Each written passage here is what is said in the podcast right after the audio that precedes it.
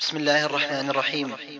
ويسعد إخوانكم في وقف السلام الخيري أن يقدموا لكم المحاضرة الثانية عشرة وهي لصاحب الفضيلة الشيخ الدكتور صالح بن فوزان الفوزان عضو هيئة كبار العلماء وعضو اللجنة الدائمة للإفتاء والتي أقيمت يوم الأربعاء التاسع عشر من محرم وكانت بعنوان لقاء حول شبهتي التكفير والخوارج.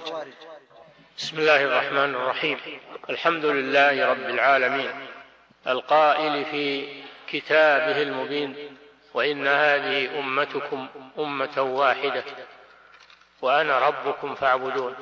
الصلاة والسلام على عبده ورسوله الصادق الأمين. بلغ الرسالة وأدى الأمانة ونصح الأمة وجاهد في الله حق جهاده وعلى آله وأصحابه الذين آمنوا به واتبعوه والذين آووه ونصروه وعلى جميع من اهتدى بهم اقتدى بهم وسلك سبيلهم إلى يوم الدين. أما بعد فالعنوان الذي سمعتموه منهج أئمة الدعوة في التكفير والخروج. الحقيقة أنا لم أكن على استعداد لهذا لأن الذي بلغني أو بلغت به أن الموضوع لقاء مفتوح ولكن لا مانع من أن نتكلم في هذا الموضوع. حسب ما يسر ما ييسر الله سبحانه وتعالى. المراد بالمنهج الطريق.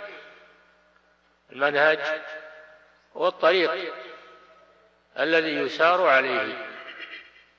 والله سبحانه وتعالى رسم لنا الطريق الذي نسير عليه والمنهج الذي ننتهجه بما أنزل من كتابه وما بينه رسوله صلى الله عليه وسلم فإنه صلى الله عليه وسلم بين لأمته المنهج الذي يسيرون عليه من بعده.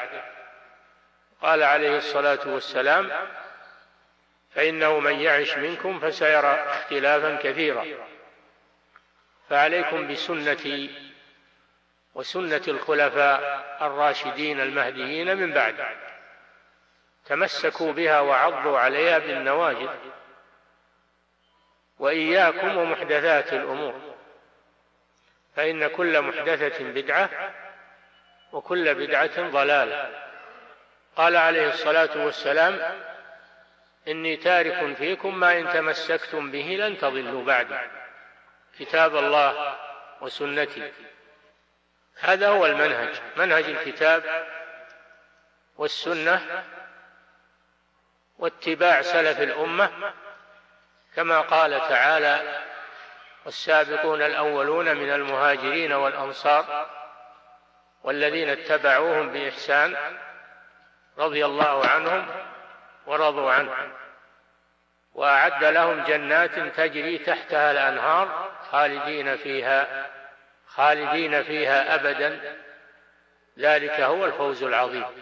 فالمنهج هو الطريق الذي رسمه لنا ربنا في كتابه ووضحه لنا نبينا محمد صلى الله عليه وسلم في سنته وسار عليه صحابته ومن جاء بعدهم ممن نهج منهجهم وسلك طريقهم. هذا هو المنهج. وأئمة الدعوة جمع إمام. والمراد بالدعوة الدعوة إلى الإسلام. الدعوة إلى الخير. ولتكن منكم أمة يدعون إلى الخير. دعوة إلى الخير. وهو الإسلام والدين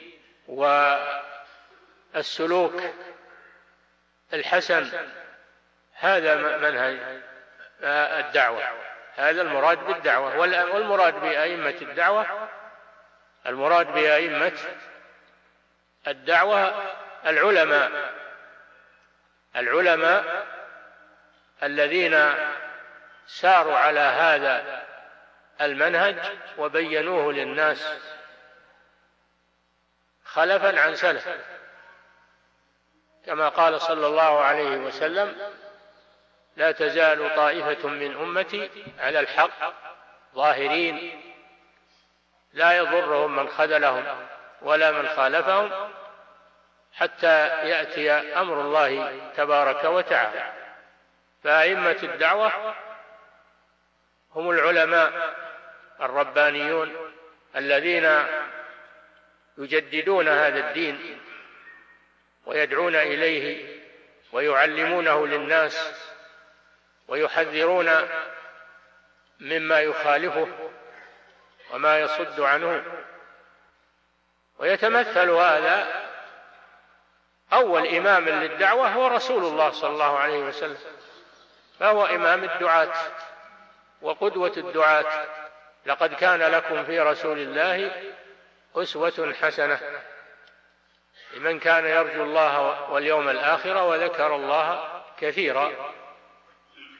ثم من بعده صلى الله عليه وسلم من سار على نهجه في هذا السبيل من الصحابة والتابعين والقرون المفضلة والأئمة الأربعة ومن جاء بعدهم ممن سار على منهاجهم ودعا بدعوتهم. ولا تفقد الأمة ولله الحمد لا تفقد هؤلاء وإن كانوا يقلون ويكثرون. في بعض الأزمان. لكن الأمة لا تفقد هؤلاء. كما قال صلى الله عليه وسلم لا تزال طائفة من أمتي على الحق ظاهرين. وجاء في الحديث أن الله يبعث لهذه الأمة على رأس كل مئة سنة من يجدد لها دينها. هؤلاء هم الأئمة جمع إمام وهو القدوة. الإمام هو القدوة الذي يقتدى به ومنه الإمام في الصلاة والإمام في الولاية. فهم قدوة يقتدى بهم. ولذلك سموا بالأئمة أئمة الدعوة. فهم أئمة في الدين ولكن خصت الدعوة لأن الدعوة هي الأساس الذي ينبني عليه الدين. وقد قال صلى الله عليه وسلم من دعا إلى هدى كان له من الأجر مثل أجور من تبعه لا ينقص ذلك من أجورهم شيئا. ومن دعا إلى ضلالة كان عليه من الإثم مثل آثام من تبعه. لا لا ينقص ذلك من أوزارهم شيئا. الدعوة إلى الهدى هي السبيل وهي المنهج الصحيح. هي السبيل وهي الطريق كما قال الله جل وعلا لنبيه صلى الله عليه وسلم قل هذه سبيلي أدعو إلى الله على بصيرة. أنا ومن اتبعني. وسبحان الله وما أنا من المشركين. هذا هو المنهج الصحيح. أدعو إلى الله. لا يدعو إلى نفسه أو يدعو إلى حزبية أو إلى جماعة أو إلى شخص.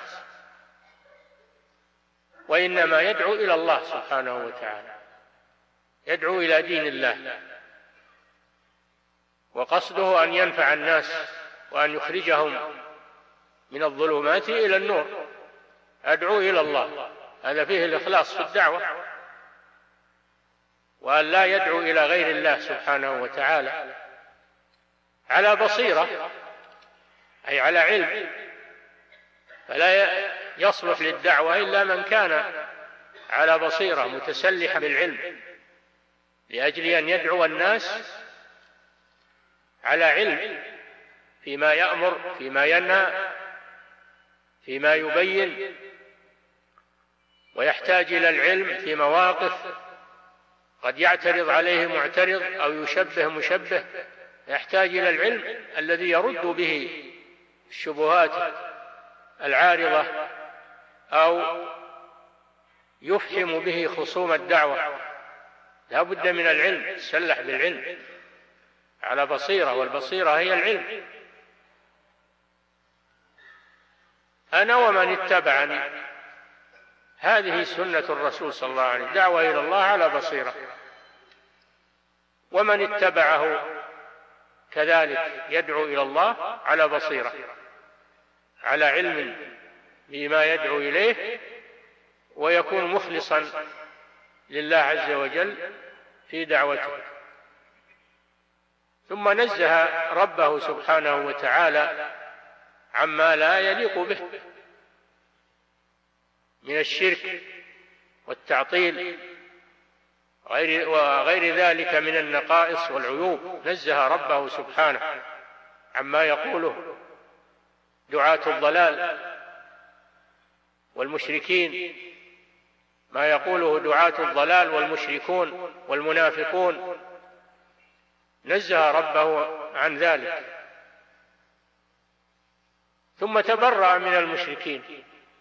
فقال وما أنا من المشركين؟ هذه براءة. فلا بد في المؤمن لا بد في المؤمن أن يتبرأ من الشرك وأهله. كما قال تعالى فمن يكفر بالطاغوت ويؤمن بالله فقد استمسك بالعروة الوثقى لا انفصام لها. والكفر بالطاغوت هو البراءة من الشرك وأهله. وما أنا من المشركين. فهذا منهج الدعوة.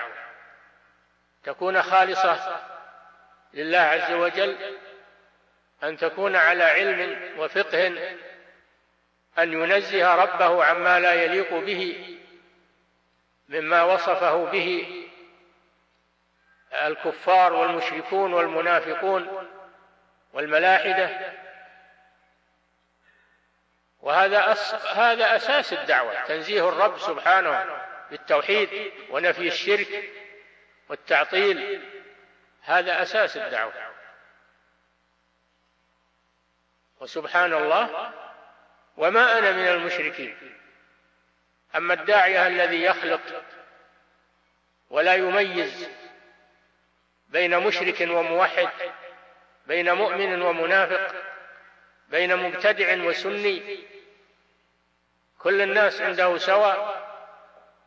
فهذا ليس على منهج الرسول صلى الله عليه وسلم لأنه لم يتبرأ من المشركين.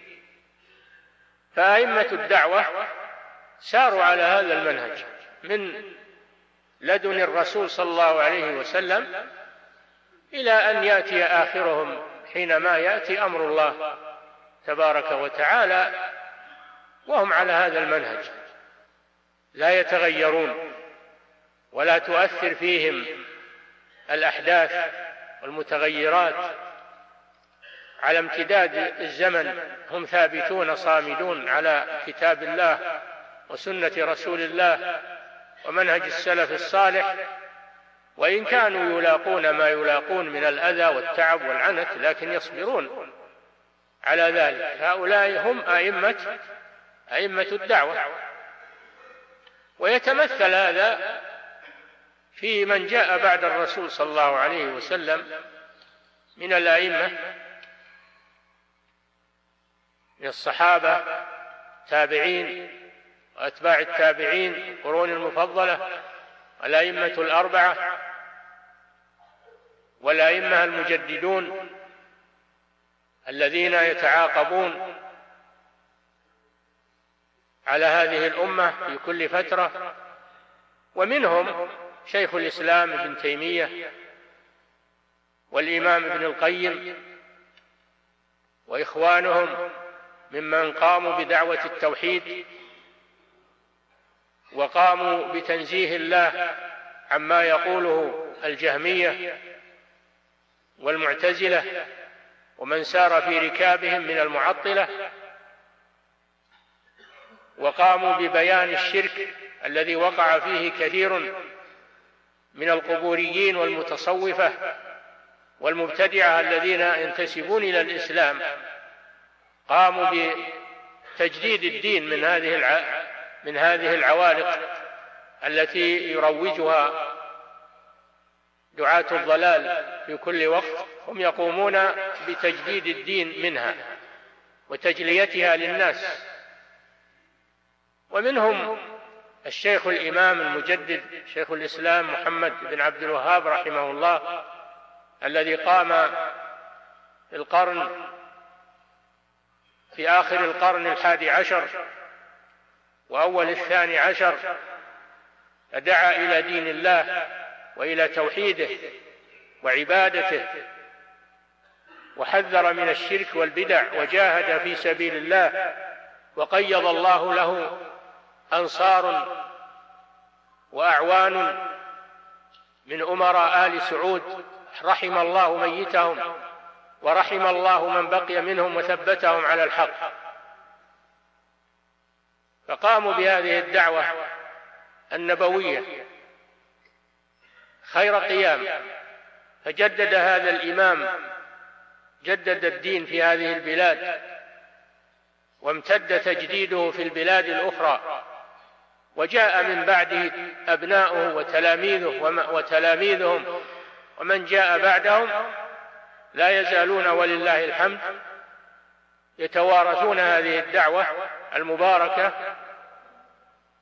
ويحافظون عليها ويدعون إليها ويردون على من عارضها أو اعترض سبيلها حتى تصل إلى من شاء الله من عباده. ونسأل الله أن تستمر وأن يكثر الخير في الأمة وأن يكثر الدعاة إلى الله والأئمة المصلحون في كل مكان. المسلمون أمة واحدة. في جميع أقطار الأرض يتعاونون ويتناصرون على الحق وعلى قمع الباطل. هكذا سبيل المؤمنين وهذا منهج الدعوة إلى الله عز وجل. المنهج السليم الواضح المبني على كتاب الله وسنة رسوله صلى الله عليه وسلم. ومن منهج الدعوة الرد إلى كتاب الله وإلى سنة رسول الله عند النزاع. قال الله جل وعلا وأطيعوا الله وأطيعوا الرسول وأولي الأمر منكم. فإن تنازعتم في شيء فردوه إلى الله والرسول. ذلك خير وأحسن تأويلا. وقال سبحانه وتعالى وما اختلفتم فيه من شيء فحكمه إلى الله ذلكم الله ربي. عليه توكلت وإليه أنيب. فالنزاع إذا حصل بين الناس لا بد يحصل نزاع بين الناس. سنة الله في خلقه. ولكن يحسم بالرجوع إلى كتاب الله وإلى سنة رسول الله صلى الله عليه وسلم وإلى أهل العلم والبصيرة. كما قال تعالى وإذا جاءهم أمر من الأمن أو الخوف أذاعوا به ولو ردوه إلى الرسول وإلى أولي الأمر منهم لعلمه الذين يستنبطونه منه. والرد إلى الرسول هو الرد إلى شخصه في حياته والرد إلى سنته صلى الله عليه وسلم بعد وفاته. فيرد النزاع وترد الأمور المهمة والحوادث المدلهمة التي تحدث ويلتمس لها الحل ترد إلى من يملكون النظر فيها ببصيرة إلى الرسول وإلى أولي الأمر منهم الذين جربوا الأمور وعندهم علم وعندهم بصيرة وعقول وتجربة فيرد الأمر إليهم في ما أشكل من الأمور العامة. يرد إلى أولي الأمر حتى ينظروا فيه على مقتضى الكتاب والسنة. وما ترد الأمور إلى أولي الأمر وإلى سنة الرسول صلى الله عليه وسلم وإلى أولي الأمر إلا ويوجد لها الحل الصحيح. أما إذا ردت الأمور إلى غير هذه المصادر فإن الأمر لا يزيد إلا, إلا التباسا ولا يزيد إلا غموضا ولا يزيد إلا شرا. الناس إذا أشكل عليهم شيء من الأمراض يرجعون إلى الأطباء لأن الأطباء هم أهل النظر في في الأمراض وعلاجها. ولا يدخل فيه كل أحد. وإذا أشكل عليهم شيء من من أمور الدنيا رجعوا إلى أهل الفن. كل في فنه. فأولى وأجدر أن يرجع في أمور الدين وأمور العقيدة إلى أهل الحل والعقد وأهل العلم وأهل الرأي والبصيرة. حتى يوضع الأمر في نصابه ويؤخذ من مصدره. هكذا كان منهج أئمة الدعوة في كل زمان ومكان يردون ما أشكل إلى كتاب الله وإلى سنة رسوله وإلى أهل العلم والبصيرة. فيصدرون في ذلك يصدرون في حلول ناجحة.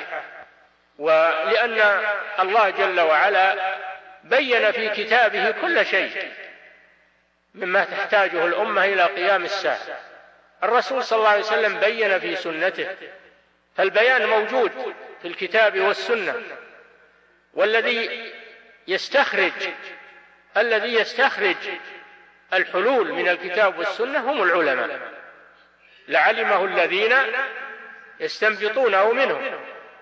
فيرجع إلى العلماء لأنهم هم هم أهل البصيرة وأهل الفن.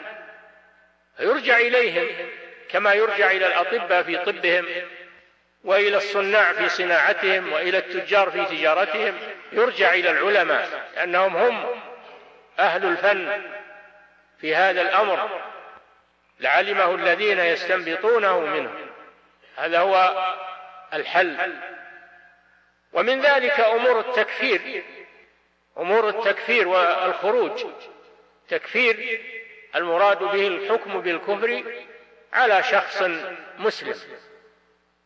ارتكب شيئا من الأمور يحتمل أنه كفر أو أنه دون ذلك. والخروج المراد به الخروج على ولاة الأمور. متى يجوز الخروج على ولي الأمر؟ ومتى لا يجوز؟ أما التكفير فإنه لا يجوز أن يحكم على مسلم بالكفر والردة عن دين الإسلام إلا إذا قام به سبب من أسباب الردة وناقض من نواقض الإسلام وليس له عذر يعذر به. ولا يعرف هذا إلا أهل العلم. أما الطلبة وأنصاف المتعلمين أو المتعالمون هؤلاء لا يرجع إليهم في هذا الأمر لأنهم يزيدون الأمر شدة فيرجع إلى أهل البصيرة وأهل العلم الذين يعرفون متى يرتد المسلم ومتى يكفر المؤمن ويعالجون الأمر بما يقتضيه من العلاج. هذا هو أمر التكفير. ولو أن الناس رجعوا إلى العلماء الموثوقين بعلمهم ودينهم رجعوا في هذه الأمور إلى أهل العلم وعرضوها عليهم لانضبط الأمر. ولما حصل ما حصل من الفوضى من هذا الواقع المؤلم من التراشق في الكلام والتكفير والتفسيق والتبديع بدون بصيرة وبدون روية. الأمور لها الأمور لها مصادر ولها قادة يرجع اليهم في هذا الأمر الخطير أمر التكفير أو التفسيق أو التبديع هذا يرد إلى أهل العلم. الذين يعرفون متى يكفر ومتى يرتد المسلم عن دينه. ثم كيف يعالجونه بعد وقوع الكفر والردة منه؟ كيف يعالجونه؟ أما أن تكون الأمور فوضى وأمور الدين وأمور العقيدة فوضى كل يدخل فيها وكل يتكلم فيها بحسب هواه وجهله فالأمور تزداد التباسا. ويتدخل شياطين الإنس والجن بين المسلمين وتحصل الفرقة والنفرة. وهذا ما يريده شياطين الجن والإنس من المسلمين. فالتكفير ليس بالأمر الهين. إنما هو أمر خطير جدا. ولا يتولاه إلا من عنده أهلية علمية وعنده تقوى لله وعنده إنصاف عنده إنصاف وعدل ووسطية في هذا الدين.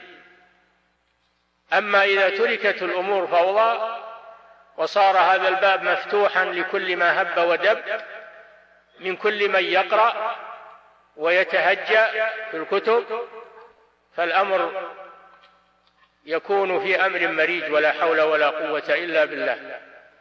وما ظل الخوارج من قبل مع دي مع مع دينهم وورعهم ما ظلوا واستحلوا دماء المسلمين إلا بسبب الفوضى العلمية. ظنوا أنهم علماء وأنهم يستغنون عن الصحابة وعن التابعين واحتقروا علماء المسلمين ورموهم بالمداهنة والتساهل فوقعوا فيما وقعوا فيه ولا حول ولا قوة إلا بالله. مما لا يخفى مما جرى وهو مذكور في التاريخ ولا يزال يتكرر. فمتى خرجت الأمور عن نصابها في هذا الأمر الخطير وتولاها من لا يحسن حتى ولو كان قصده حسنا. أو كان يحفظ المتون ويحفظ الأحاديث ويحفظ لكنه ما يفهم. المطلوب الفهم والفقه. ما يكفي الحفظ حفظ النصوص. تطبيقها بدون روية. تطبيق النصوص هو الفقه. وهذا إنما يكون عند العلماء الربانيين. فلو أن الخوارج رجعوا إلى الصحابة رجعوا إلى العلماء في وقتهم كل وقت بحسبه. لكن في أول ظهورهم لو رجعوا إلى الصحابة إلى الفقهاء إلى العلماء لما حصل منهم ما حصل من هذه الرزية والنكبة في تاريخ الإسلام. وكذلك من جاء بعدهم ممن سار في ركابهم لو أنهم يرجعون إلى العلماء وإلى أئمة الدين لما حصل ما حصل من النكسات التي تعلمونها وتعرفونها.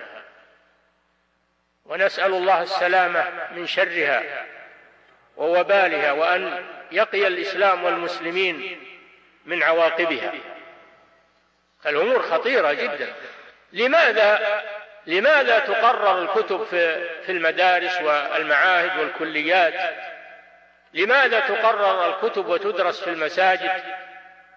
إلا لأجل معرفة إلا لأجل معرفة هذا الأمر والبصيرة فيه حتى يكون المسلم على بصيرة فيما يأتي وفيما يذر. فالإنسان أول شيء ينظر في نفسه هل هو على الصواب؟ هل هو على الجادة؟ هل عنده علم يؤهله للكلام؟ ثم إذا كان عنده علم هل يجوز له أن يتكلم في كل مناسبة وفي كل؟ ينظر الإنسان في نفسه أولا. ورحم الله امرأ عرف قدر نفسه. لو أن الإنسان نظر في نفسه لا أحجم عن كثير من الأمور. فالتكفير أمر خطير. ويرجع إلى من قاله. من قال لأخيه يا كافر يا فاسق يا عدو الله. وهو ليس كذلك رجع كلامه عليه. الكلام ما يروح هدر بل يرجع إلى من قاله ولا حول ولا قوة إلا بالله. فهو يكفر نفسه ويفسق نفسه ويبدع نفسه لأنه أطلقه على من لا يستحق هذا الشيء فرجع عليه كلامه. لو أن الإنسان يتصور هذا لعقل لسانه لم يتكلم إلا عن بصيرة وعلم وحسب ما يقتضيه المقام. أما الخروج الله جل وعلا يقول وأطيعوا الله وأطيعوا الرسول وأولي الأمر منكم. أمر بطاعة ولاة أمور المسلمين قال منكم يعني من المسلمين. ولاة أمور المسلمين. أمر بطاعة ولاة أمور المسلمين. وبين النبي صلى الله عليه وسلم أن طاعة ولاة أمور المسلمين من طاعة الرسول صلى الله عليه وسلم. قال من؟ أطاع الأمير فقد أطاعني ومن عصى الأمير فقد عصاني. وقال اسمعوا وأطيعوا. أوصيكم بتقوى الله والسمع والطاعة. وإن تأمر عليكم عبد فإنه من يعش منكم فسيرى اختلافا كثيرا.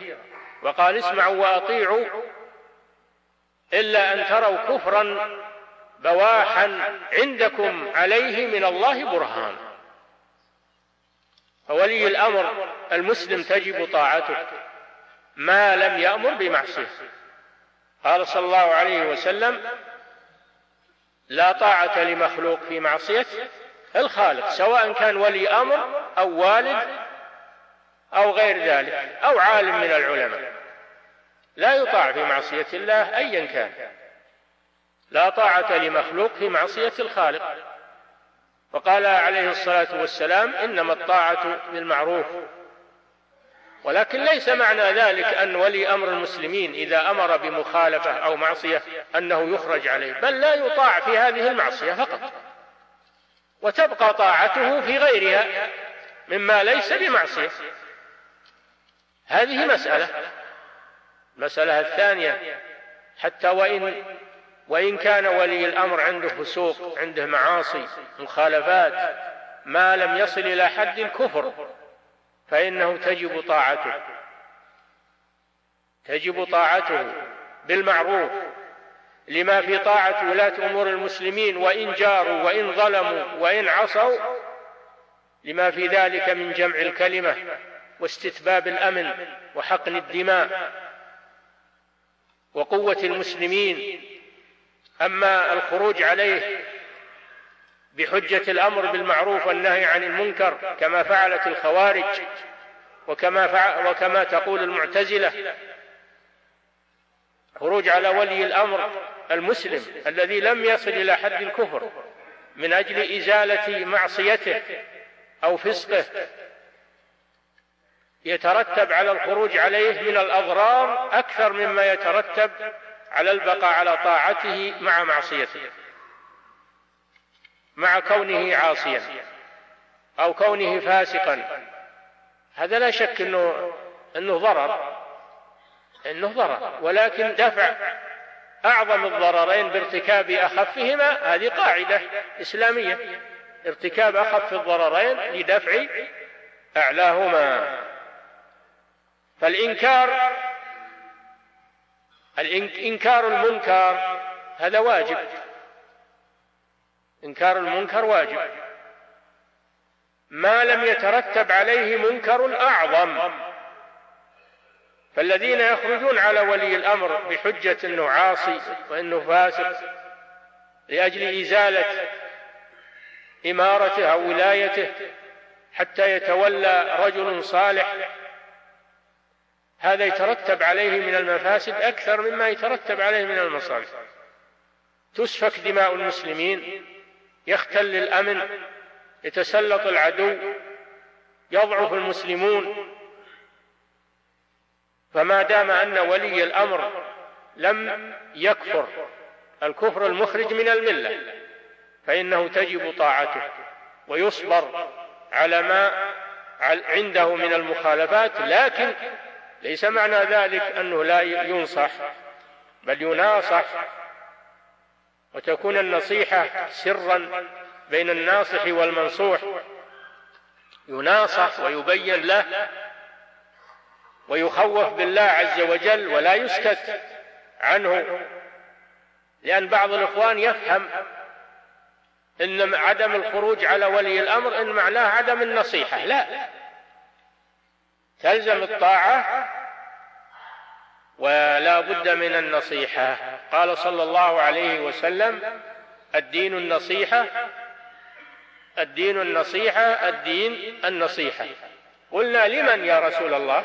قال لله ولكتابه ولرسوله ولأئمة المسلمين وعامتهم فيناصح ولي الأمر. وما زال العلماء يناصحون ولاة الأمور لكن لا يظهرون هذا للناس. وإنما يكون بينهم وبين ولاة الأمور بطريقة سرية لأن الإشهار والتشهير على رؤوس المنابر وفي وفي التسجيلات وفي المجالس تشهير بمخالفات ولاة الأمور هذا يترتب عليه الخروج عليه. الخوارج ما خرجوا إلا بهذه الطريقة.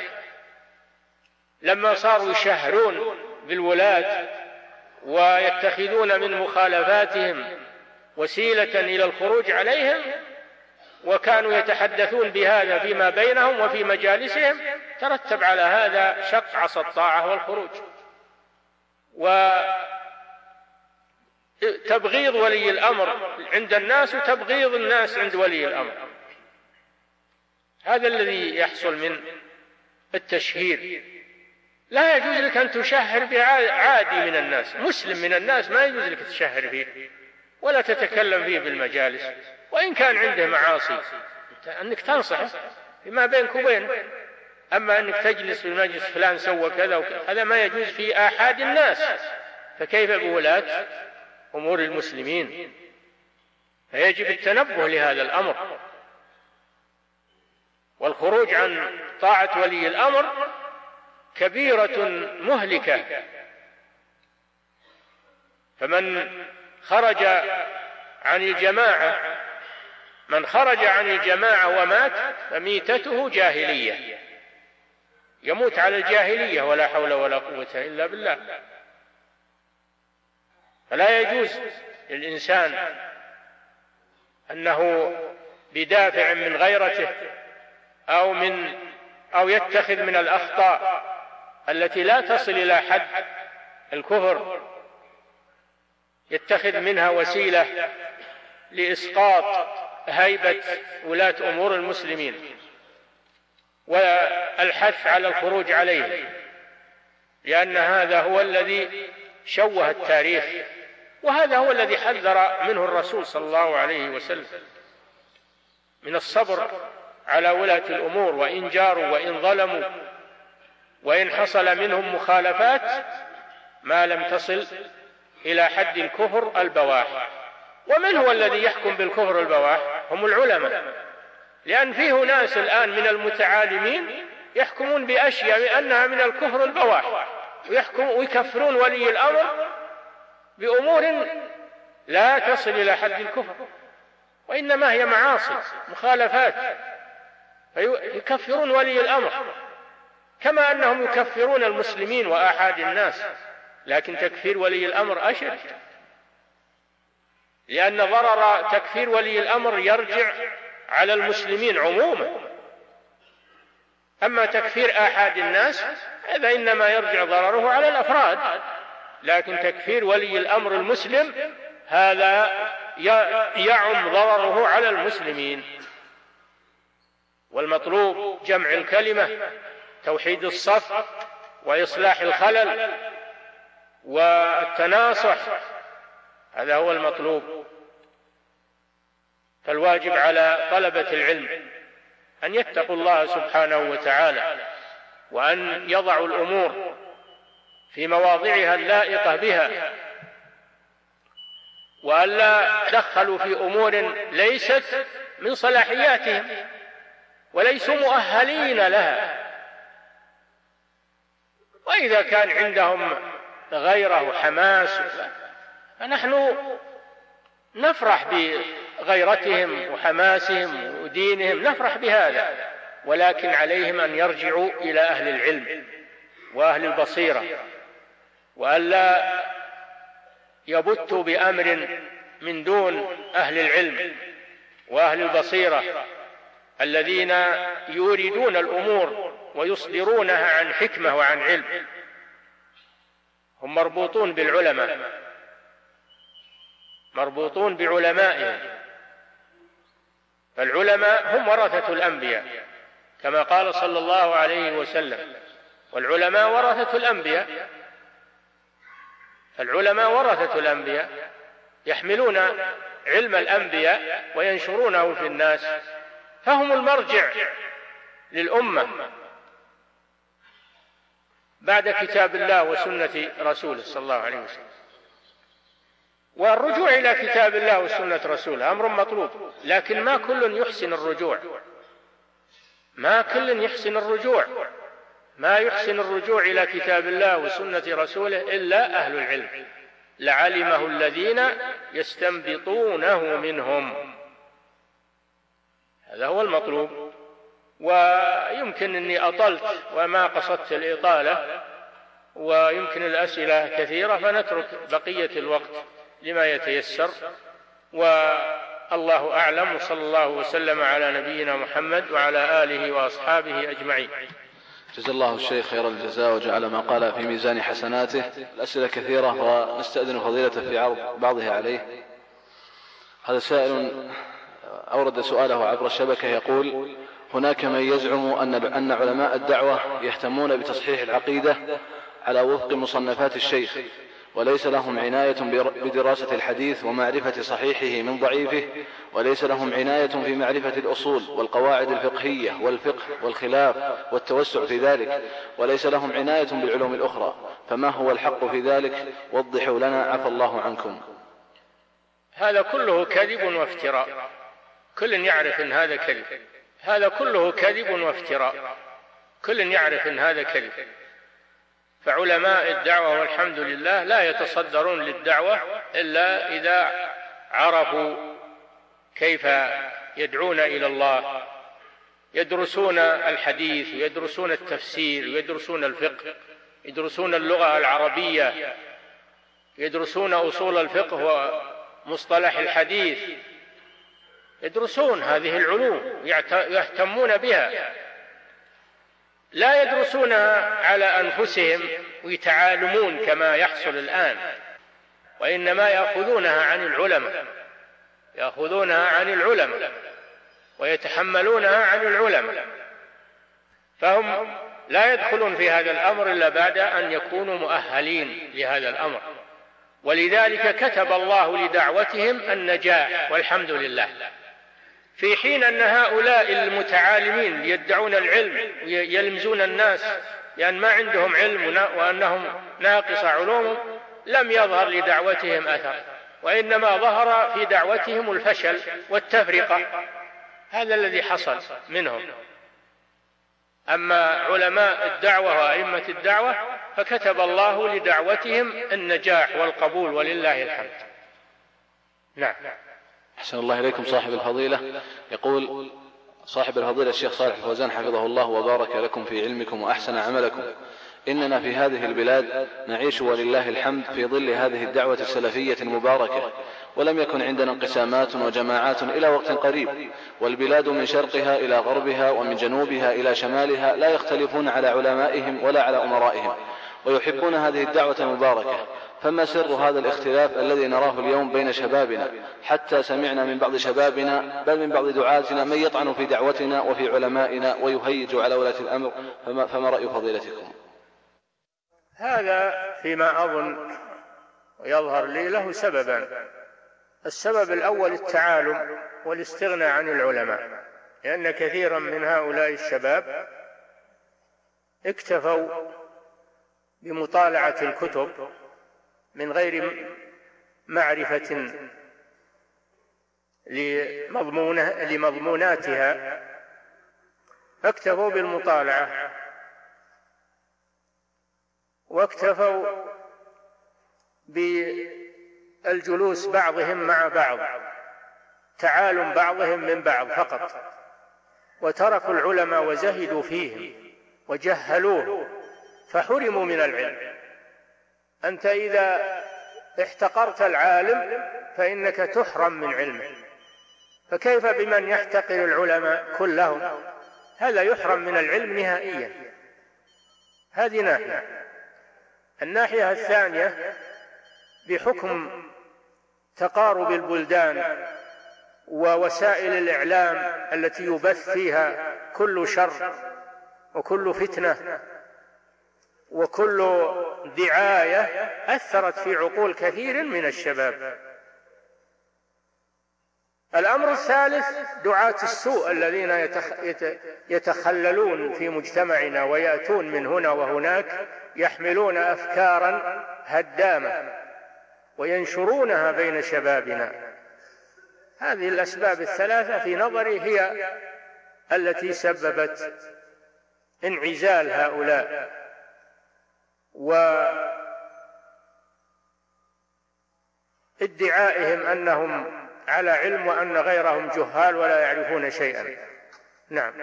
أحسن الله إليكم. هذا سائل يقول يا شيخنا نحبكم في الله. السؤال هو ما حكم مسألة العذر بالجهل في مسائل التوحيد والشرك؟ ومتى يعذر الإنسان بالجهل؟ أفتون مأجورين. الذي يعذر بالجهل هو الذي لم يبلغه القرآن. لم يبلغه شيء عن الإسلام يعيش منقطعا ولم تصل إليه الدعوة ولا سمع القرآن. أما الذي يسمع القرآن ويسمع الأحاديث يسمع كلام أهل العلم هذا ليس بجاهل.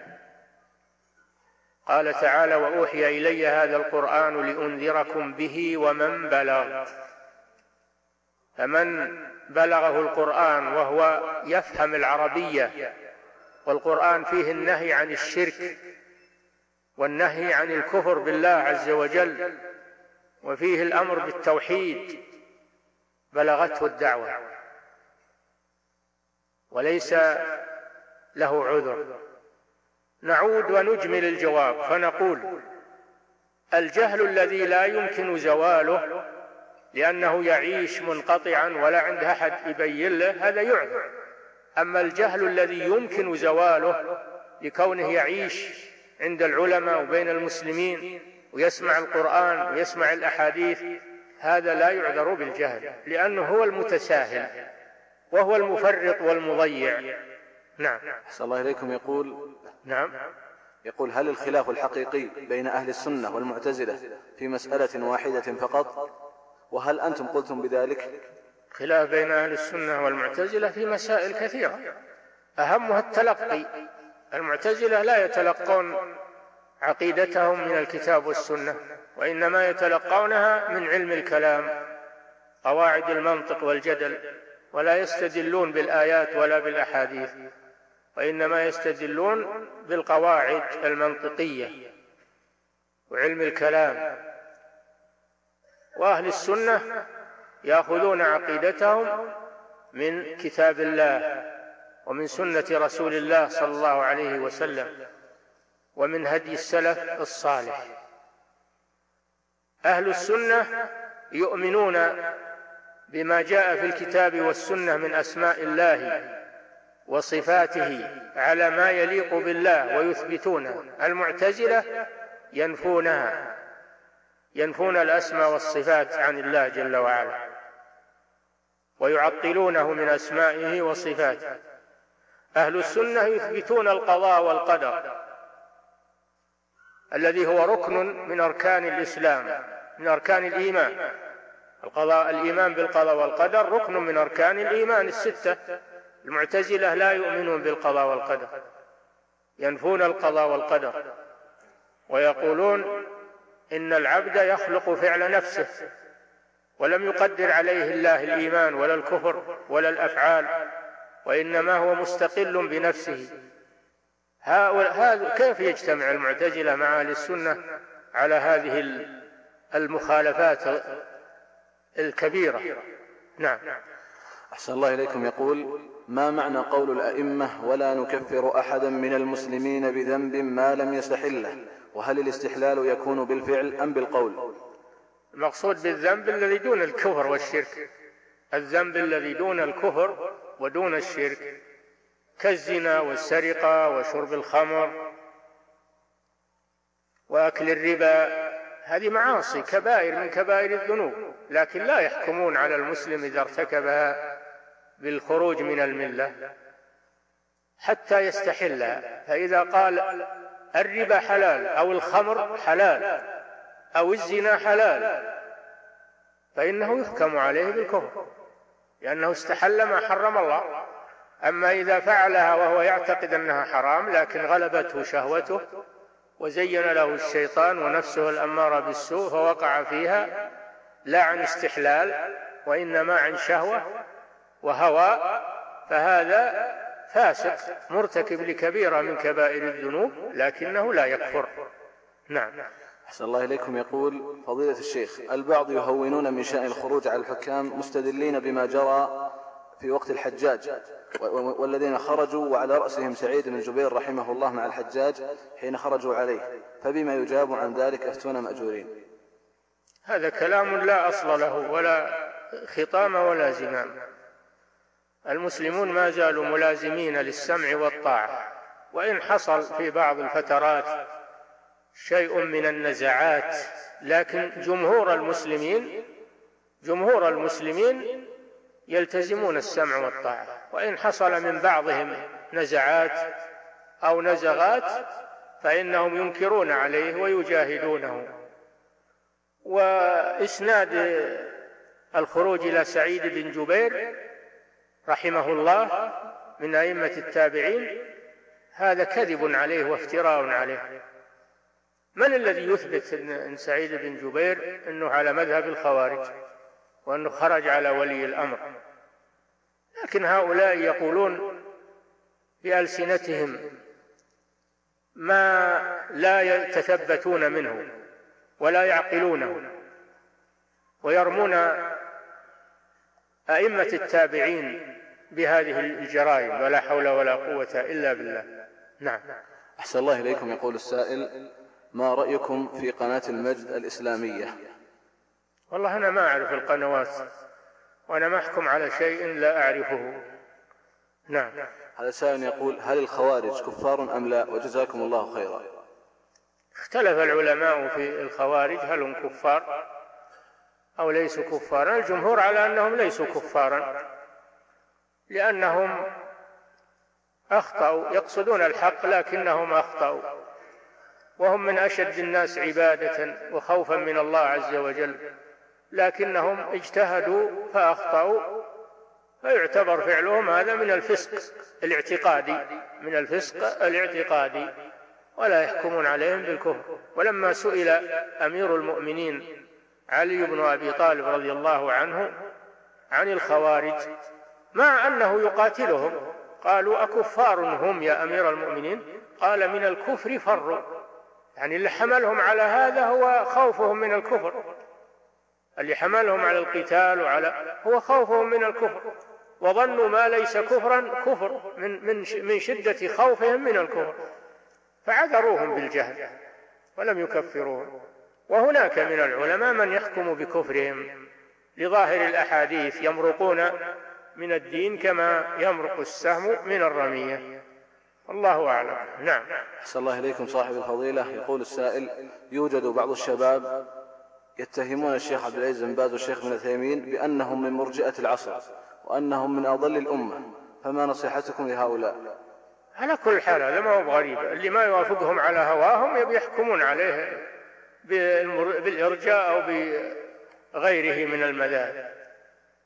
حكموا على على ابن باز وعلى ابن عثيمين بالإرجاء لأنهم لا لم يخرجوا على ولي الأمر ولم يكفروا المسلمين. وهم يريدون منهم ذلك لكن لما عجزوا عنهم حكموا عليهم بالإرجاء. هذا كلام بالهوى والعياذ بالله واتهام لهؤلاء الإمامين بما ليس فيهم ما عرفنا عنهم إلا الخير والاستقامة والاعتدال والحث على لزوم آه، الكتاب والسنة ومنهج السلف. هذا الذي تعلمناه منهم وعرفناه منهم رحمهم الله. نعم. لكن لما لم يوافقوا هؤلاء على نزعاتهم ونزغاتهم رموهم بالإرجاء. نعم. لأن الذي لا يكفر المسلمين مرجي عندهم. نعم. أحسن الله إليكم صاحب الفضيلة. يقول السائل ما رأي فضيلتكم في هذا القول؟ وهو أن أحدهم يقول في قيادة المرأة إنها لا توجد هذه القضية وتحريمها في سورة الأنفال حتى لا نطرح النقاش فيها. والثاني يطالب بالتآخي مع الشيعة وفتح مدارس خاصة بهم. والثالث يتهم كتب أئمة الدعوة ومنها الدر السنية بأنها سبب واقع في التكفير. هذا والله هذا كل هذيان لا نشتغل به. كل هذيان لا نضيع الوقت في الكلام هذا. والقرآن والسنة بينزل آية بأن المرأة ما تقود السيارة.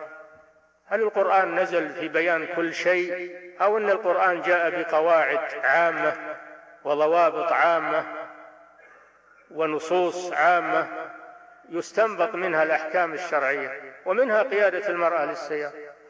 قيادة المرأة للسيارة ماذا يلزم عليها؟ يلزم عليها محاذير.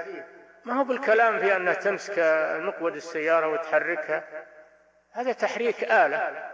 لكن ما يلزم عليها من أنها ستكشف وجهها أمام الرجال ستخالط الرجال ستراجع المرور. إذا حصل لها مراجعة ستتعطل سيارتها في البر وهي امرأة ضعيفة. فيلزم على القيادة محاذير شرعية. ما تت... ما تليق بالمرأة. هذا هذا سبب منع المرأة من قيادة السيارة. ما يلزم عليها من المحاذير. أيضا المرأة المرأة عليها قوامة للرجل. فإذا قادت السيارة ما يملكها الرجل. شغل السيارة وتروح اللي هي تبي. سافر. مع مفتاحه ومع رخصة القيادة تروح للي هي تبي. يصير وليها ما ما يسيطر عليها ولا يملكها. هذا من مفاسد قيادة المرأة للسيارة نعم. أحسن الله إليكم. يقول قال أحدهم في كتاب له أن عقيدة الشيخ محمد بن عبد الوهاب توافق عقيدة السلف في الجملة. فهل هذا الكلام صحيح؟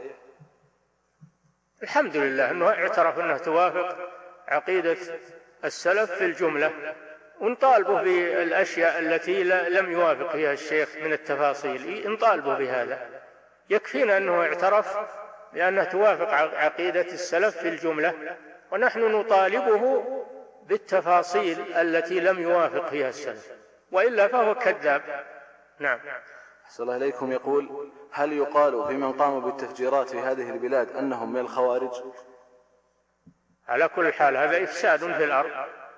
هذا إفساد في الأرض وإهلاك للحرث والنسل واعتداء على الدماء البريئة وترويع للمسلمين فهو من أشد أفعال الخوارج. الخوارج ما فعلوا مثل هذا. الخوارج يبرزون في المعارك ويقاتلون. أما هؤلاء يقدرون يجون الناس وهم نايمين وآمنين وينسفون المنازل بما فيها. هذا فعل الخوارج؟ لا. هذا أشبه شيء بفعل القرامطة. أشبه شيء بفعل القرامطة. أما الخوارج فهم يتنزهون عن هذا الغدر وهذه الخيانة. ما فعل هذا الخوارج؟ نعم. أحسن الله إليكم. هناك من طلاب العلم من يزعم أنه على منهج أئمة الدعوة ويقرأ رسائلهم ومؤلفاتهم ويفهمها فهما خاطئا من حيث الاستدلال والواقع. ويبني على ذلك أحكام وتصرفات ينسبها لأئمة الدعوة دون الرجوع إلى أهل العلم الراسخين الذين يفقهون كلام الأئمة ويجمعون أطرافه. فهل من كلمة توجيهية لبيان خطورة هذا المسلك على أولئك أنفسهم وعلى المتلقي عنهم؟ هذا بيناه أثناء الكلمة. قلنا ما يجوز لطالب العلم المبتدئ أو المتعالم أنه يتكلم في مسائل خطيرة وهو ما يفهمها. عليه أنه يراجع أهل العلم. عليه أنه يتعلم أولا يتعلم أولا. وإذا أشكل عليه شيء يسأل أهل العلم ولا يتسرع في هذه الأمور. هذه نتيجة التعالم دعوى العلم واحتقار العلماء. هي التي أوصلتهم إلى هذا المنعطف الخطير في الفهم. نعم. أحسن الله إليكم. هذا سائل يقول من ارتكب. من ارتكب جريمة يجب عليها الحد هل يجب عليه أن يسلم نفسه للسلطات إذا تاب إلى الله إن كانت هذه الجريمة في حقوق المخلوقين فعليه أنه يسلم نفسه مثل القتل مثل قتل شخصا إن كانت تتع... أو, أو سرق مالا فعليه أنه يسلم نفسه للمسؤولين لإيصال الحقوق إلى أصحابها. أما إن كانت الجريمة بينه وبين الله ولا تتعلق بحقوق المخلوقين فعليه التوبة إلى الله ويستر نفسه. يستر نفسه ويتوب إلى الله. والله يتوب على من تاب ويحب الستر على عباده يستر على عباده. وقال صلى الله عليه وسلم من ستر مسلما ستره الله الدنيا والآخرة. نعم. أحسن الله إليكم. يقول ما حكم الذهاب إلى قبور الأولياء؟ ليس للطواف ولا للعبادة وإنما للنظر ماذا يكون عندها. إذا كان قصده التفرج فقط ولا ينكر المنكر لا يجوز له يذهب إليه. أما إذا كان قصده بينكر المنكر ويكتب عنها للولاة الأمور أو للعلماء من أجل يحذرون من هذا الفعل إذا كان قصده إنكار المنكر هذا شيء طيب. أما إن كان قصده التفرج فقط ولا ينكر المنكر هذا لا يجوز. نعم. أحسن الله عليكم هذا يقول فضيلة الشيخ صالح الفوزان. السلام عليكم ورحمة الله وبركاته. يوجد في قريتنا طائفة أو جماعة جاءت إلينا يقال لهم جماعة التبليغ أو جماعة الأحباب فهم يأخذون معهم كبير السن وصغير السن فهل تنصحني بانضمام إليهم أم لا؟ أنا أنصحك بالانضمام إلى أهل المنهج السليم الذين يدعون إلى توحيد الله ويحذرون من الشرك ومن البدع والمحدثات ويقيمون الصلاة ويؤتون الزكاة ويؤمنون بالله واليوم الآخر. عليك بأهل المنهج السليم خصوصا الذين يلتزمون العقيدة الصحيحة ويدعون إليها يدعون إليها ويبينونها. فإن كان جماعة التبليغ يدعون إلى التوحيد ويدرسون التوحيد للناس وينهون عن الشرك فهذا شيء طيب. أما إن كانوا لا ما يهتمون بالتوحيد بل يمنعون من يتكلم بالتوحيد ولا يمشي معهم اللي يتكلم بالتوحيد كما سمعنا وبلغنا عنه فلا تمشي معهم لا تذهب إليه نعم. صلى الله عليكم يقول ما قولكم في من يقول أن حسن البنا من أئمة الدعوة؟ إحنا ما نظلم أحد أحدا شيئا. إن كان هو من أئمة الدعوة هذا يجده عند الله عز وجل. هو توفي. وإن كان ليس من أئمة الدعوة فنحن لا نزكي على الله أحدا. نعم. يقول صاحب الفضيلة أنا طالب في الجامعة وبعض المحاضرات لا تنتهي إلا بعد صلاة العصر بنصف ساعة أو بساعة فنصلي بعد المحاضرة فهل صلاتنا صحيحة؟ كان الواجب على المسؤولين إذا كانوا في هذه البلاد أن يصلون قبل المحاضرة. وما أظن أن المسؤولين في هذه البلاد يأخرون الصلاة عن وقتها عن أول وقتها. يصلون أولا ثم يدخلون المحاضرة. أما إذا كان في غير هذه البلاد ولا له استطاعة فلا بأس أن يؤخر الصلاة عن أول وقتها لئلا تفوته المحاضرة. وقت الصلاة موسع. وقت الصلاة موسع والحمد لله. هذا من تيسير الله. المهم أنه إذا كان بالإمكان تقديم المحاضرة فهذا واجب. إذا كان ما هو بالإمكان تبي تفوتها المحاضرة ووقت الصلاة موسع فيحضر المحاضرة ويبادر بالصلاة بعد النهاية. نعم. قبل خروج وقت الصلاة. نعم. أحسن الله إليكم. يقول السلام عليكم ورحمة الله وبركاته. فضيلة الشيخ حفظك الله أنا شاب من الله علي بالهداية وقد تعرفت على بعض الشباب المستقيمين ثم قال لي أحد الأصدقاء اترك هؤلاء فإنهم يدعون أنهم سلفيون ويحرمون الأناشيد يحرمون ويحللون وذكر لي مثالا وهو الأناشيد فما رأي فضيلتكم في ذلك؟ الحمد لله الذي من عليك بالهداية ومحبة الخير ولكن نوصيك بتعلم العلم النافع عند العلماء. ما تروح لهؤلاء الشباب وإنما تذهب إلى مجالس العلم وإلى العلماء تحرص على الدراسة النافعة. هذا المطلوب. نعم.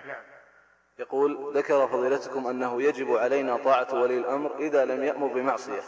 السؤال قد أوجب علينا التأمين فإذا أطعناه قد ارتكبنا معصية وإذا لم نطعه لم نستطع أن, أن نقضي شؤوننا. فما رأي فضيلتكم؟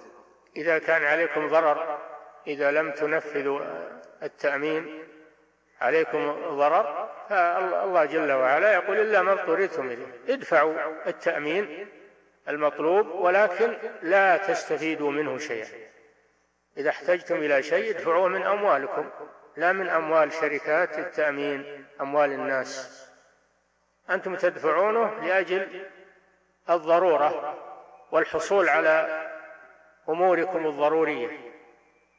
وأما الاستفادة منه فلا تستفيدوا منه شيئا لأنه حرام. نعم.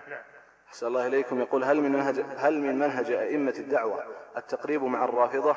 وما هو رأيكم فيمن يدعون للتقريب مع هؤلاء؟ نحن لا نتقارب إلا مع أهل الحق وأهل السنة. أما أهل الباطل وأهل الضلال فلا نتقارب معهم إلا إذا تابوا إلى الله عز وجل ورجعوا إلى الحق. نعم. أحسن الله إليكم. يقول هذا سؤال جاء عن طريق الشبكة. يقول يرى البعض أن الإنكار على المستغيثين بغير الله والمستنجدين بأصحاب القبور بأصحاب القبور والأضرحة أنه لا إنكار عليهم لأن المسألة كما يزعم خلافية. فما رأي فضيلتكم؟ هذا كذب ما هي بخلافية المسألة محل إجماع. أن الشرك بالله عز وجل لا يجوز بإجماع الرسل وأتباعهم من أول الرسل إلى آخرهم ينهون عن الشرك. فهم مجمعون على النهي عن الشرك بالقبور وغيرها والمخالف لا قيمة لمخالفته. إذا عارضت الكتاب والسنة فإن مخالفته مطروحة ولا قيمة لها. الخلاف الذي يعتبر هو الذي له حظ من النظر المسائل الفقهية والاستنباط في في أحكام المعاملات وأحكام أما أمور العقيدة هذه ما هي محل للاجتهاد ولا للاختلاف. هي توقيفية. والله ورسوله حرم الشرك بجميع أنواعه. ليست محل خلاف أبدا. والمخالف في هذا لا عبرة بمخالفته. وليس كل خلاف جاء معتبرا إلا خلاف له حظ من النظر. نعم. أحسن الله إليكم. هذا سؤال جاء عن طريق الشبكة يقول نسمع في خارج هذه البلاد وصف الدعوة التي قام بها الشيخ محمد بن عبد الوهاب وأئمة الدعوة من بعده بالوهابية ووصف أهلها بالوهابيين ونسمع في الداخل وصف من يتمسك بها ويعتني بها بالجاميين وأنهم من الفرق الضالة ووصفهم بالمداهنة والنفاق والتفريق بين الناس والطعن في العلماء والدعاة وأنهم عملاء ومرجئة مع الولاة وقد انتشر هذا الوصف حتى أصبح بعض العامة يردده وهو جاهل بمعناه ومدلوله بل بلغ ببعض الجهال أن يقرر عقيدة ومنهج أهل السنة خلاف أهل السنة تقريرا بالعامة والرعاع ثم يدعو, ثم يدعو في خطبة الجمعة على الجاميين والناس يؤمنون من ورائه والناس يؤمنون من ورائه فآمر من فضيلتكم أحسن الله إليكم الإجابة على بعض الأمور وهي صحة هذه التحذيرات والتسميات وحكم من أطلق هذه الكلمة على أحد من المسلمين أفتونا مأجورين. أما الوهابية فلا نعرف شيء يقال له الوهابية. إنما نعرف دعوة التوحيد ودعوة التوحيد ليست وهابية وإنما هي محمدية. دعوة الرسول صلى الله عليه وسلم. محمد بن عبد الوهاب ما جاء بشيء من عنده حتى ينسب إليه. وإنما جاء بدعوة الرسول صلى الله عليه وسلم. وهو في الفقه على مذهب الإمام أحمد فهو حنبلي وليس وهابيا وإنما هو حنبلي. وفي العقيدة على مذهب السلف الصالح ليس هناك ما يسمى بالوهابية وإنما هذا لقب أحدثوه لينفروا من دعوة الشيخ حتى يظن السامع أن أن الشيخ يخالف غيره من الأئمة. وأنه انفرد بمذهب خاص وهذا من الكذب والبهتان أليس هناك وهابية أما الجامية هذا أول مرة أسمع فيها ما أعرف الجامية. أنا ما أعرف الجامية. ف ولكن هؤلاء يتنابزون بالألقاب. كل واحد يعير الثاني. أنت من كذا وأنت من كذا. والواجب على المسلمين أن يكونوا إخوة. كونوا عباد الله إخوانا المسلم أخو المسلم لا يحقره ولا يخذله ولا يسلمه. والمخالف يبين له الصواب وينصح ويدعى إلى الحق. هذا الواجب علينا. أما التنابز بالألقاب وتحذير من بعض الناس بدون دليل وبدون فهم نحن نطالب هل يقول الجامية يبين لنا مذهب الجامية ما هو. والله إن كان مذهب الجامية باطل فنحن نرفضها ونحذر منها. أما إذا كان ما فيه جامية ولا لهم مذهب وإنما هو تنابز بالألقاب فقط فهذا عليه أن يتوب إلى الله ويترك هذا الشيء لأنه يجني على نفسه. إنما يجني على نفسه ولا حول ولا قوة إلا بالله. وربما يقول الإنسان كلمة من سخط الله يهوي بها في النار أبعد مما بين المشرق والمغرب. هو يقولها يتشفى ويفرج عن نفسه يروح عن نفسه لكنه يهوي بها في النار أبعد مما بين المشرق والمغرب. فعلى الإنسان أنه يزن كلامه ولا يتكلم إلا بما فيه الخير والمصلحة ويصلح بين الناس ويدعو إلى الله. هذا المطلوب. نعم. صلى الله إليكم. يقول السائل ما حكم الجلوس مع من كان يكفر؟ ما حكم الجلوس مع من يكفر؟ وهو ليس لديه علم بمسألة التكفير. وكيف أنكر عليه ذلك أفتون مأجورين؟ تنصحه فإن ترك هذا الشيء وإلا لا تجلس معه. إذا كان ما يقبل النصيحة ويستمر على التكفير فلا تجلس معه. ابتعد عنه. نعم. يقول السائل أحسن الله إليكم صاحب الفضيلة. هل اللجنة الدائمة أصدرت فتوى في الرافضة؟ أفتون مأجورين. كيف أصدرت فتوى في الرافضة؟ الرافضة ما يحتاجون إصدار فتوى. معروف مذهبهم. نعم. أحسن الله إليكم. يقول السائل ما رأيكم في في قراءة كتب الشيخ محمد عبده المصري؟ والله ما أعرفها لكن أسمع أسمع أنها في وقته له شطحات وله أفكار لأنه تتلمذ على الأفغاني جمال الدين الأفغاني. وأخذ من أفكاره التحررية فعنده شطحات وعنده أمور تؤخذ عليه. فلا أنصح بقراءة كتبه وفي كتب أهل العلم النافعة غنية ولله الحمد. نعم. أحسن الله إليكم يقول ما سبب إطلاق كلمة أئمة الدعوة على الشيخ محمد بن عبد الوهاب وأبناؤه من بعده؟ أئمة الدعوة كما ذكرنا تشمل كل من دعا إلى الله من أهل العلم. من عهد الرسول صلى الله عليه وسلم إلى قيام الساعة. وإنما القصد أن هؤلاء قاموا بالدعوة في هذه البلاد فسموا بذلك سموا بذلك تقديرا لجهودهم. وكل من دعا إلى الله في أي بلاد فهو من أئمة الدعوة. نعم. أحسن الله إليكم. يقول هل الشيخ المجدد محمد بن عبد الوهاب رحمه الله يعتبر محدثا أم فقيها؟ أفتونا مأجورين. يعتبر عالما يعتبر عالما بالفقه والحديث والتوحيد والعربية تشهد بذلك كتبه ومؤلفاته فإنها تشهد بأنه متبحر في علوم الشريعة. نعم. صلى الله عليكم يقول ما هي ضوابط الجهاد؟ وهل يجوز اليوم الجهاد أم أنه قتال؟ الجهاد إذا دعا إليه ولي أمر المسلمين وكون الجيوش للغزو فهذا الجهاد. أما بدون راية بدون قيادة ولي الأمر هذا لا يعتبر جهادا يعتبر تصرف فردي تصرف فردي. الله أعلم بمآله ونتائجه. نعم. إنما الجهاد المنظم القائم على سنة الرسول صلى الله عليه وسلم الذي يكون له راية وله أمير ويرجع إلى إمام المسلمين. هذا هو الجهاد الصحيح. نعم.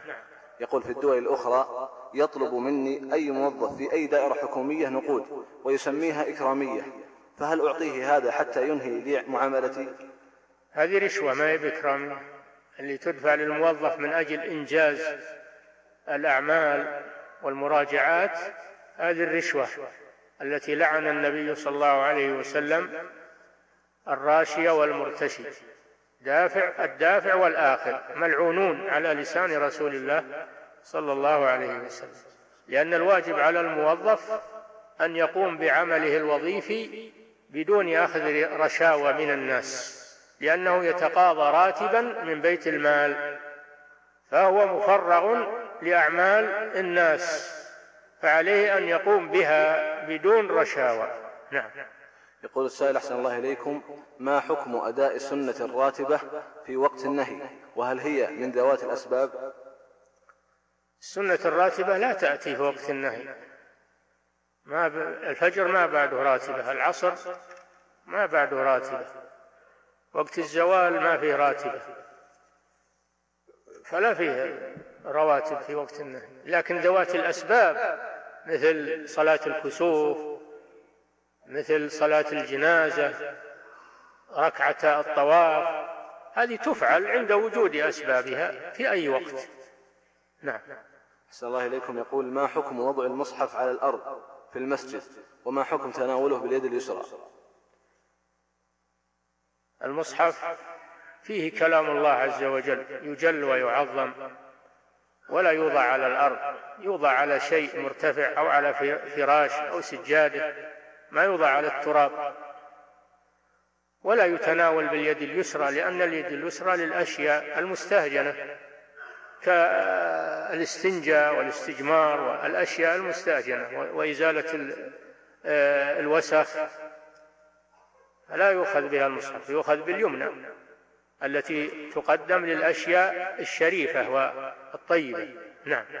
أحسن الله إليكم يقول السائل هل تصح مقولة أن المسائل الخلافية ليس فيها إنكار أو ليس فيها أمر بالمعروف ونهي عن المنكر بإجماع العلماء؟ أفتون مأجورين.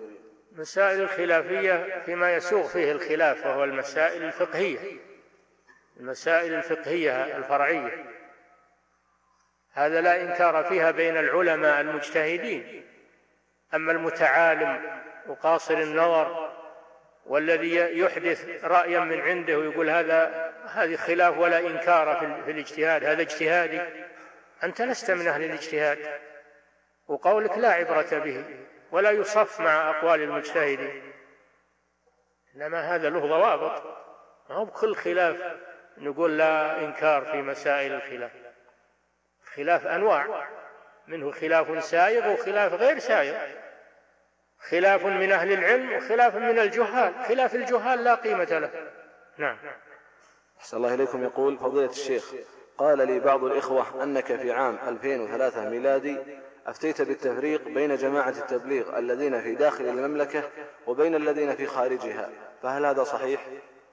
أنا ما أفتيت بالتفريق ولا أعرفهم لا اللي داخل المملكة ولا اللي خارجها لكن أنا أقول من لم يلتزم بدعوة التوحيد والنهي عن الشرك فإنه يجتنب فإنه يجتنب ولا يشارك معه.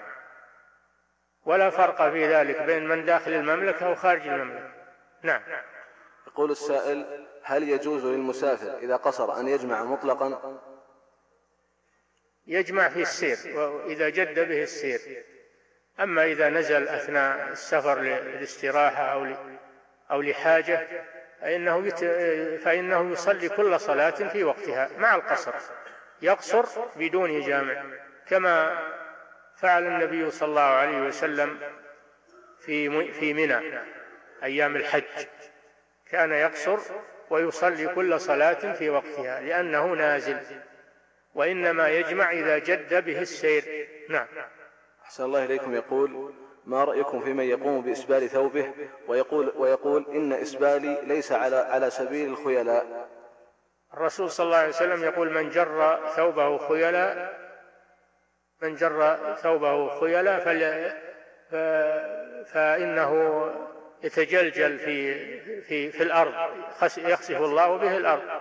أخبر عن رجل من السابقين من الأمم السابقة أنه قد أعجبته نفسه وما عليه من اللباس فخسف الله به الأرض فهو يتجلجل فيها إلى يوم القيامة بسبب الكبر والخيلاء باللباس والمشية. إسبال الثياب حرام سواء معه خيلاء أو ليس معه خيلاء إن كان معه خيلاء فهو أشد. من ناحيتين من ناحية الإسبال ومن ناحية الخيلاء أما إن كان خو... إن كان إنه جر اللباس بدون خيلاء فيحرم لأنه إسبال. وقد قال صلى الله عليه وسلم ما كان أسفل الكعبين فهو في النار. ما كان أسفل الكعبين فهو في النار. ولم يقل خيلاء بل علق الحكم بنزوله عن الكعبين. نعم. أحسن الله إليكم صاحب الفضيلة. يقول ما حكم جلسة الاستراحة في الصلاة هل هي سنة أم لا؟ أفتونا مأجورين. خلاف بين العلماء والصحيح أنها ما هي بسنة وإنما تفعل عند الحاجة. إذا فعلها الإنسان لحاجته أنه كبير السن أو مريض يحتاج إليها يفعلها. أما إذا كان قويا فإنه لا يفعلها. لأن الرسول صلى الله عليه وسلم إنما فعلها لما ثقل في آخر حياته عليه الصلاة والسلام. أما قبل ذلك ما كان يجلس للاستراحة. دل على أنها تفعل للحاجة فقط. هذا مذهب جمهور أهل العلم. شكر الله لصاحب الفضيلة الشيخ الدكتور صالح بن فوزان الفوزان عضو هيئة كبار العلماء وعضو اللجنة الدائمة للإفتاء وجعل ما تفضل به في ميزان حسناته ونفع بعلمه الإسلام والمسلمين. والسلام عليكم ورحمة الله وبركاته.